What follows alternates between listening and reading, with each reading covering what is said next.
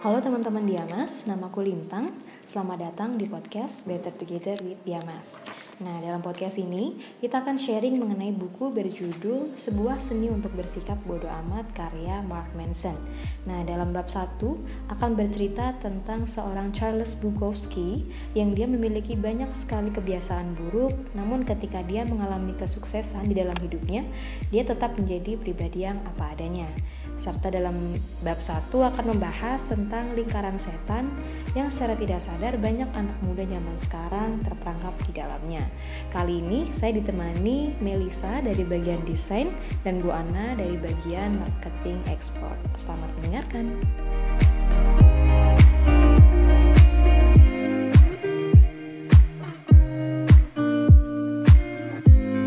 Bu Ana kabarnya? Baik, Lintang ya. Uh, Melisa gimana? Baik kak. Hari ini kita mau bahas buku, uh, buku baru ya. Iya. Judulnya apa Mel? Judulnya Mel? Ini bukunya itu sebuah seni oh, untuk bersikap bodoh amat. Jadi bodoh amat mau siapa yang ngomong? Tapi pertama-tama uh, Melisa sama Bu Ana baca judulnya kesannya gimana? Uh, kayaknya sih um, kalau lihat dari judul aja ya mm -mm. bodoh amat sama lingkungan yang penting diri kita sendiri. Mm -mm. Kalau Melisa sama sama. Siapa nih yang mau bahas dulu nih? Yang Coba saya dulu, dulu ya. Nah, Buana dulu boleh. Uh, ini kan sebuah seni untuk bersikap bodoh amat. Mm -mm. Ini ada seorang namanya Charles Bukowski dia seorang pecandu alkohol, Mm-mm. senang main perempuan, penjudi, kasar, kikir dan tukang utang. Karena berjudi ya. Iya.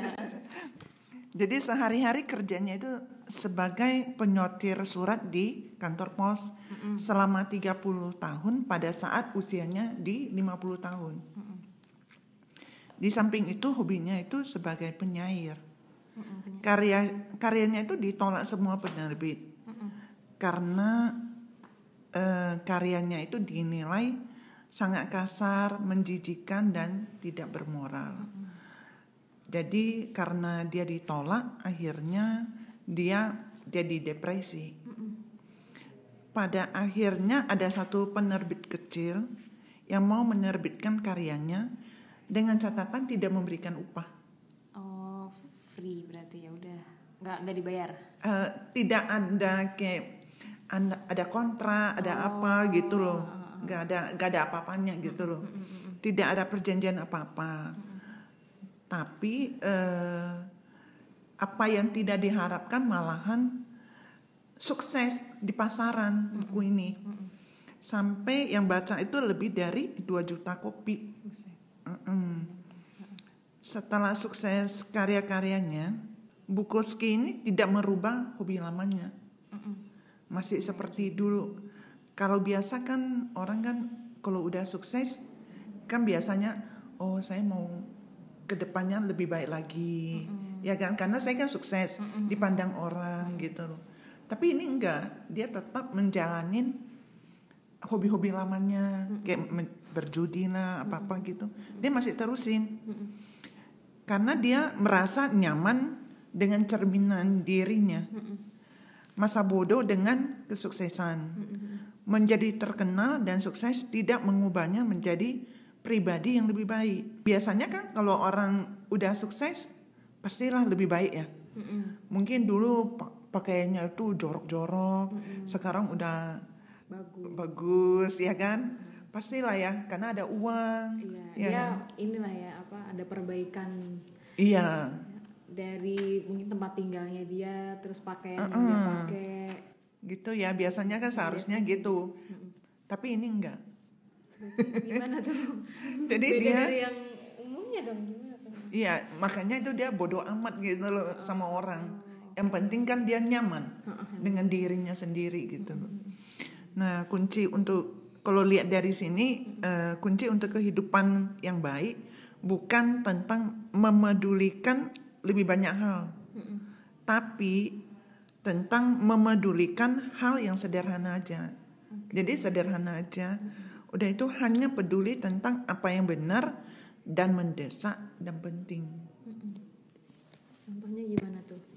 Atau Ya, kalau menurut saya sih, eh, jadi kita bisa lihat dari kehidupan toko di Indonesia ya, seperti Bob Sadino, biarpun dia begitu terkenal, kaya, tapi ke mana-mana cuma pakai celana pendek, pakai sandal gitu kan. Tapi orang eh, sangat appreciate ya sama dia ya. Karena apa? Yang penting kan otaknya. Udah itu kesederhana, kesederhanaannya. Jadi orang jadi appreciate. Dia tidak menunjukkan bahwa ini loh saya yang begitu kaya, pakai mentreng gitu-gitu. Enggak, dia cuma pakai ya baju biasa, ya kan? Pa- Celana pendek, gitu-gitu aja. sama kayak si siapa namanya Bu? Bukowski ya? Charles. Charles Bukowski dia juga kayak gitu. Kalau dari Melisa gimana Mel? Dari cerita tadi barusan. Iya. Orang yang kaya itu eh, jadinya jatuhnya lebih sederhana. Sederhana malah pengennya jadi terlihatnya kaya. Kayak gitu sih. Yang orang-orang biasa mereka kepengenannya eh, terlihat karena kaya. karena ngelihat dari nah ini nanti aku ceritain nih. Gimana tuh ceritanya tuh Mel? Nah, eh, selanjutnya ini kan tentang mengenai kecemasan mental. Wah, Jadi- berat nih. Ada nih eh, ada keanehan mental yang membahayakan otak teman-teman. Perasaan cemas ini yang menjadikan kamu tuh jadi cemas. Jadi kalau misalkan kamu eh, ngerasa diri kamu takut tuh jadi takut beneran. Terus kalau misalkan kamu ngerasa diri kamu gagal itu jadi gagal beneran. Nah, pikiran-pikiran itu yang awalnya hadir di dalam diri kita. Nah, eh, hal itu yang dinamakan namanya lingkaran setan. Oh, iya, Ah, iya, iya. Jadi eh, lingkaran setan ini bermula dari semenjak era gadget, di mana budaya pamer nih mulai menjalar nih. Jadi kayak orang bisa pamer harta, bisa pamer pacar, pamer fisik. Nah, eh, hal-hal itu yang akan mempengaruhi pola pikir orang lain yang melihatnya gitu. Kayak eh, contohnya kayak gini. Misalkan ada posting di IG nih Atta Halilintar. Eh, posting mobil nih. Terus eh, mungkin dari Atanya niatnya cuma pengen eh, pengen lihat pengen ngasih tunjuk hasil kerja kerasnya dia.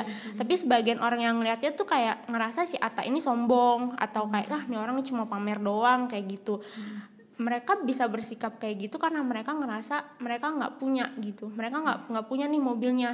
Tapi mereka cuma bisa mengomentari orang yang punya kayak gitu Ju- justru hal-hal yang kayak gitu tuh merusak mental mereka sendiri karena hal-hal yang kayak gitu tuh seharusnya nggak perlu dipikirin kayak eh, apa ya kita harus lebih bersyukur sama apa yang udah kita punya sekarang. Itu sih.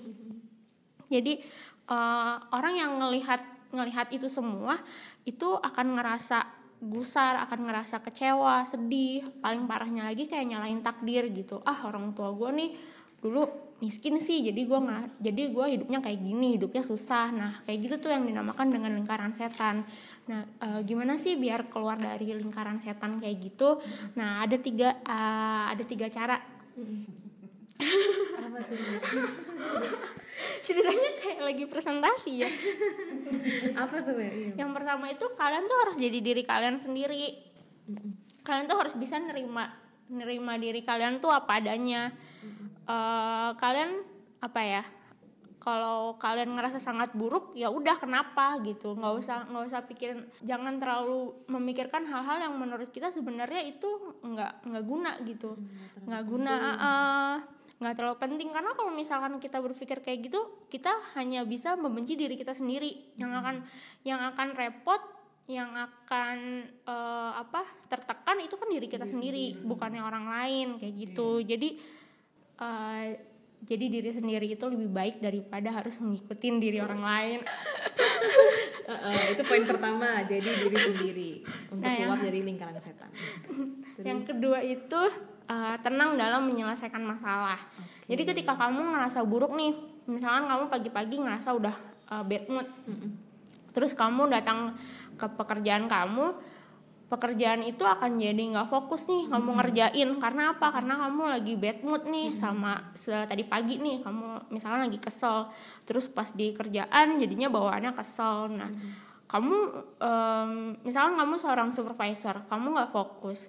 Terus uh, bawahan kamu uh, ingin minta saran nih dari kamu pengen minta keputusan dari kamu misalkan. Hmm. terus kamu nggak fokus ya udah gitu. Hasilnya akan akan jelek gitu. Hmm. keputusannya yang akan kamu ambil mungkin bisa aja salah kayak gitu. Jadi uh, apa ya ketika kamu merasa buruk ya udah gitu. Coba coba untuk uh, ya udah nggak apa-apa nanti sesuatu yang buruk itu toh juga akan jadi akan hilang gitu akan, akan hilang sendirinya. Iya akan berlalu. Nah, uh, yang ketiga itu keluar dari tekanan dan nikmatin apa yang ada di depan mata. Mantap nih. Itu apa tadi? Apa tadi? Ini harus di nih. Keluar dari tekanan dan nikmatin yang ada di depan mata. Oke. Depan mata uh, ya? Iya. Ini aku mau nanya sama Kalintang. Iya, Kalintang pernah nggak sih kadang ngerasa nih kalau misalkan Kalintang nggak peduli sama sesuatu nih, Eh, nggak uh, peduli sama sesuatu hal terus tiba-tiba hal itu justru malah jadi sukses gitu jadi Lintang dikasih tugas tapi kalau Lintang ngerjainnya kayaknya ya udah deh sebisa aku aja gitu misalkan ya. Terus tapi hasilnya malah bagus. Tapi kalau misalkan uh, ada dari atasan uh, lintang aku mau kamu ngerjainnya kayak gini gini gini gini. Uh, kamu harus kayak gini gini. Nah itu kan justru membuat diri kalian tuh ngerasa tertekan, tertekan. Yeah. terus bisa nggak sih ngerjainnya? Bisa nggak sih sesuai sama atasan? Uh, bisa nggak sih nanti atasan maunya begini aku bisa. Nah itu pertanyaan-pertanyaan yang banyak yang ada di pikiran kalintang itu justru akan ngasilin sesuatu yang jelek gitu nantinya hmm, gitu. di, yang iya nah itu kan optimal. gangguin ke mental pikiran juga kan. Iya, apa ya lingkaran setan ini tuh telah telah telah mewabah gitu. Mm -hmm. yang membuat kita tuh ngerasa tertekan gusar dan membenci diri sendiri. Padahal membenci sesuatu hal yang kita uh, tidak terlalu penting. Itu cuma di pikiran iya cuma di pikiran kita sendiri. Nah uh, lingkaran setan ini kan ada namanya hukum kebalikan. Mm-hmm. Jadi uh, bersikap masa bodoh yang sesungguhnya itu menghasilkan sesuatu yang besar. Mm-hmm. Jadi uh, jika kita mengejar hal yang positif adalah hal yang negatif, mengejar hal yang negatif menghasilkan hal yang positif. Contohnya kayak uh, misalkan uh, aku mau ngejim nih, ngejim itu kan pasti diawali dengan hal-hal yang capek lah terus harus ngangkat inilah beban-beban yang berat nih misalkan aku harus lari. Nah itu kan hal-hal yang kayaknya membuat kita mengeluh gitu. E, capek inilah apalah gitu. Tapi hasil positifnya adalah kita jadi sehat. Kita jadi mungkin yang lagi uh, gendut jadinya pengen jadinya kurus kayak gitu. Jadi masa bodohnya itu tadi apa Mel? Tadi uh, jadi diri sendiri. Sih lebih menjadi diri sendiri nggak uh, terlalu ngikutin nggak terlalu nggak usah dengerin kata orang gitu. Jadi diri kamu senyamannya kamu. Ini aku kayak aku ngerasa uh, anak muda zaman sekarang tuh kayaknya semua udah di lingkaran setan deh. Ya iya. Apalagi yang kalau misalkan orang yang suka ngetik-ngetik komen iya, nih dari IG bener. kayak gitu. Nah. Bahkan mungkin insekuritas apa ya, apa ya uh, hal-hal yang membuat mereka insecure itu sebenarnya muncul dari pikiran mereka sendiri kan bukan mm -hmm. dari orang lain iya betul jadi uh, apa ya insecure boleh sebenarnya mm -hmm. tapi insecure-nya itu adalah sesuatu hal yang positif jadi mm -hmm. uh, insecure yang ah uh, gue emang dari sananya udah gendut kok gitu ya udah gitu kita nggak ngapa-ngapain kayak gitu kita mm -hmm. itu namanya apa ya lebih ke acuh. Jadi masa bodoh tapi yang tidak meng, tidak memberikan hasil yang positif gitu. Jadi kayak gendut ya udah ya udah bodoh amat sama hubungan orang gitu. Terus kalau misalkan uh, ya cintai diri kita sendiri sih. Berarti masa bodohnya itu lebih ke masa bodoh yang hal-hal nggak penting. Ya hal-hal yang nggak penting. Okay. nah, terus uh, ada tiga seni cara untuk bersikap bodoh amat apa tuh? Jadi jadi bodo amatnya tuh ada ada ada pelajarannya lagi nih. Iya, apa tuh jadi yang pertama itu masa bodoh tuh bukan berarti menjadi acu tak acu masa bodoh itu berarti nyaman saat menjadi berbeda. Nah okay, uh, ini eh, dalam banget sih. Merasa nyaman. Berarti nyaman saat menjadi berbeda nyaman saat menjadi berbeda. Mm -mm, okay. Betul. Jadi kalau misalkan orang acuta-acuta mereka kan nggak mau tahu ya nggak peduli gitu. Justru uh, apa ya masa bodoh itu terlahir dari sikap acuta-acunya itu. Jadi jadi diri sendiri tanpa harus mempedulikan tanggapan orang lain nih terhadap kita gitu. Se Sejauh eh, selama tanggapan itu tidak membangun. Iya, betul. Terus uh, yang kedua itu untuk bisa mengatakan bodoh amat pada kesulitan, pertama-tama kamu harus peduli nih terhadap sesuatu yang jauh lebih penting dari kesulitan. Jadi lebih menemukan sesuatu yang penting dan bermakna dalam hidup kamu. Karena jika kita tidak menemukan sesuatu yang nggak bermakna, tuh perhatian kamu akan tercurah untuk hal-hal yang nggak penting. Contohnya itu misalkan uh, aku kan hobinya menggambar nih, terus aku ngelihat IG, aku ngelihat IG reels yang uh, tentang menggambar, tentang tutorial menggambar lah. Itu justru jauh akan lebih bermakna ketimbang aku ngelihat uh, postingan tentang gosip postingan tentang artis gitu. Aku harus uh, aku akan menghabiskan waktu berjam-jam untuk melihat nih ada gosip apa nih artis nih gitu. Nah, itu kan lebih nggak berguna kan. Maksudnya Nggak ada bukan iya nggak ke- nggak ada efek di kitanya gitu. Nah, eh, yang ketiga itu entah kamu sadari atau enggak, kamu selalu memilih hal untuk diperhatikan. Jadi eh, semakin kamu dewasa nih, kamu akan merasa nggak semua hal itu harus dipeduliin. Kita tuh udah bukan anak kecil lagi yang kalau anak kecil tuh selalu pengen tahu nih, pengen banyak nanya gitu. Sebenarnya ya eh, intinya tuh semakin kita dewasa kita harus kita harus semakin selektif dalam memilih nih mana yang perlu diberikan perhatian dan mana yang enggak. Because itu sih. Berarti berarti ini ya, eh, berarti kesimpulannya gimana itu, Bu Ana? Ya kalau lihat dari cerita di atas ya kesimpulannya itu kalau kita sebagai manusia harus mampu mengakui kekurangan mengena apa ya eh, kekurangan-kekurangan kita. Ada kalanya kita mengalami kegagalan dalam mencoba sesuatu. Bisa jadi karena kurangnya usaha atau skill kita yang kurang dalam menjalani usaha yang mau kita ini Lakukan. lewatin. heeh. Akan tetapi dengan mengakui kekurangan dan berdamai dengan diri sendiri cara kita untuk dapat selangkah lebih maju dan meraih kesuksesan. Kesimpulannya sih segitu. Hmm, Jadi intinya tuh ya sebenarnya eh, manusia itu kan diciptakan berbeda-beda. Mereka punya kelebihan, punya kekurangan. Nah, ketika kita ya ketika kita ada nih kekurangan, ya udah itu emang kekurangan yang diberi sama yang di atas ya. Iya. Kita nggak perlu memprotes itu gitu, nggak perlu mengkritik itu. Tuh bahkan di balik kekurangan orang tuh ya pasti ada kelebihannya itu dan kita harus fokus ke situnya. Itu kan ya Melisa. Iya. Betul. Nah, kalau dikaitkan sama kehidupan di pekerjaan gimana, Bu Ana? Ya kalau saya sih karena kan saya di bagian ekspor ya. Ini kan ceritanya mengenai bodoh amat. Iya. Nah, kalau eh, dalam dunia ekspor, sebenarnya Sudan itu termasuk negara yang diembargo sama Amerika. Ya kan? Karena dia kan eh, suka melanggar HAM segalanya gitu loh. Jadi dia kena embargo gitu loh. Nah, eh, tapi karena potensial ya untuk kita ya, cukup potensial. Nah, kita tetap jalanin. Nah, so far kita ekspor ke sana masih oke sih. Sampai sekarang masih oke gitu loh. Jadi kita tidak memedulikan eh, tanggapan dari umpamanya us- eh, perusahaan lain atau negara lain tentang Sudan. Yang penting kita yang menjalanin. So far kan kita merasa nyaman kan. Iya. Customer bayar, orangnya baik. Udah itu barang-barang kita benar-benar eh, disalurin di negaranya. Buat kita sih oke aja ya. Nggak ada masalah. Karena kan kita ada- nyaman gitu. Iya betul. Heeh. Nggak nggak nggak terlalu berpengaruh ke bisnis kita juga dengan isu yang Iya, dia miliki dengan bener. negara lain ya. Iya. Hmm, oke. Kalau dari Melisa, Kalau aku mungkin lebih kayak ke- kebebasan berpendapat sih. Jadi kalau misalkan eh, apa atasan kita ngomong tentang eh, lebih baik kayak gini-gini misalkan.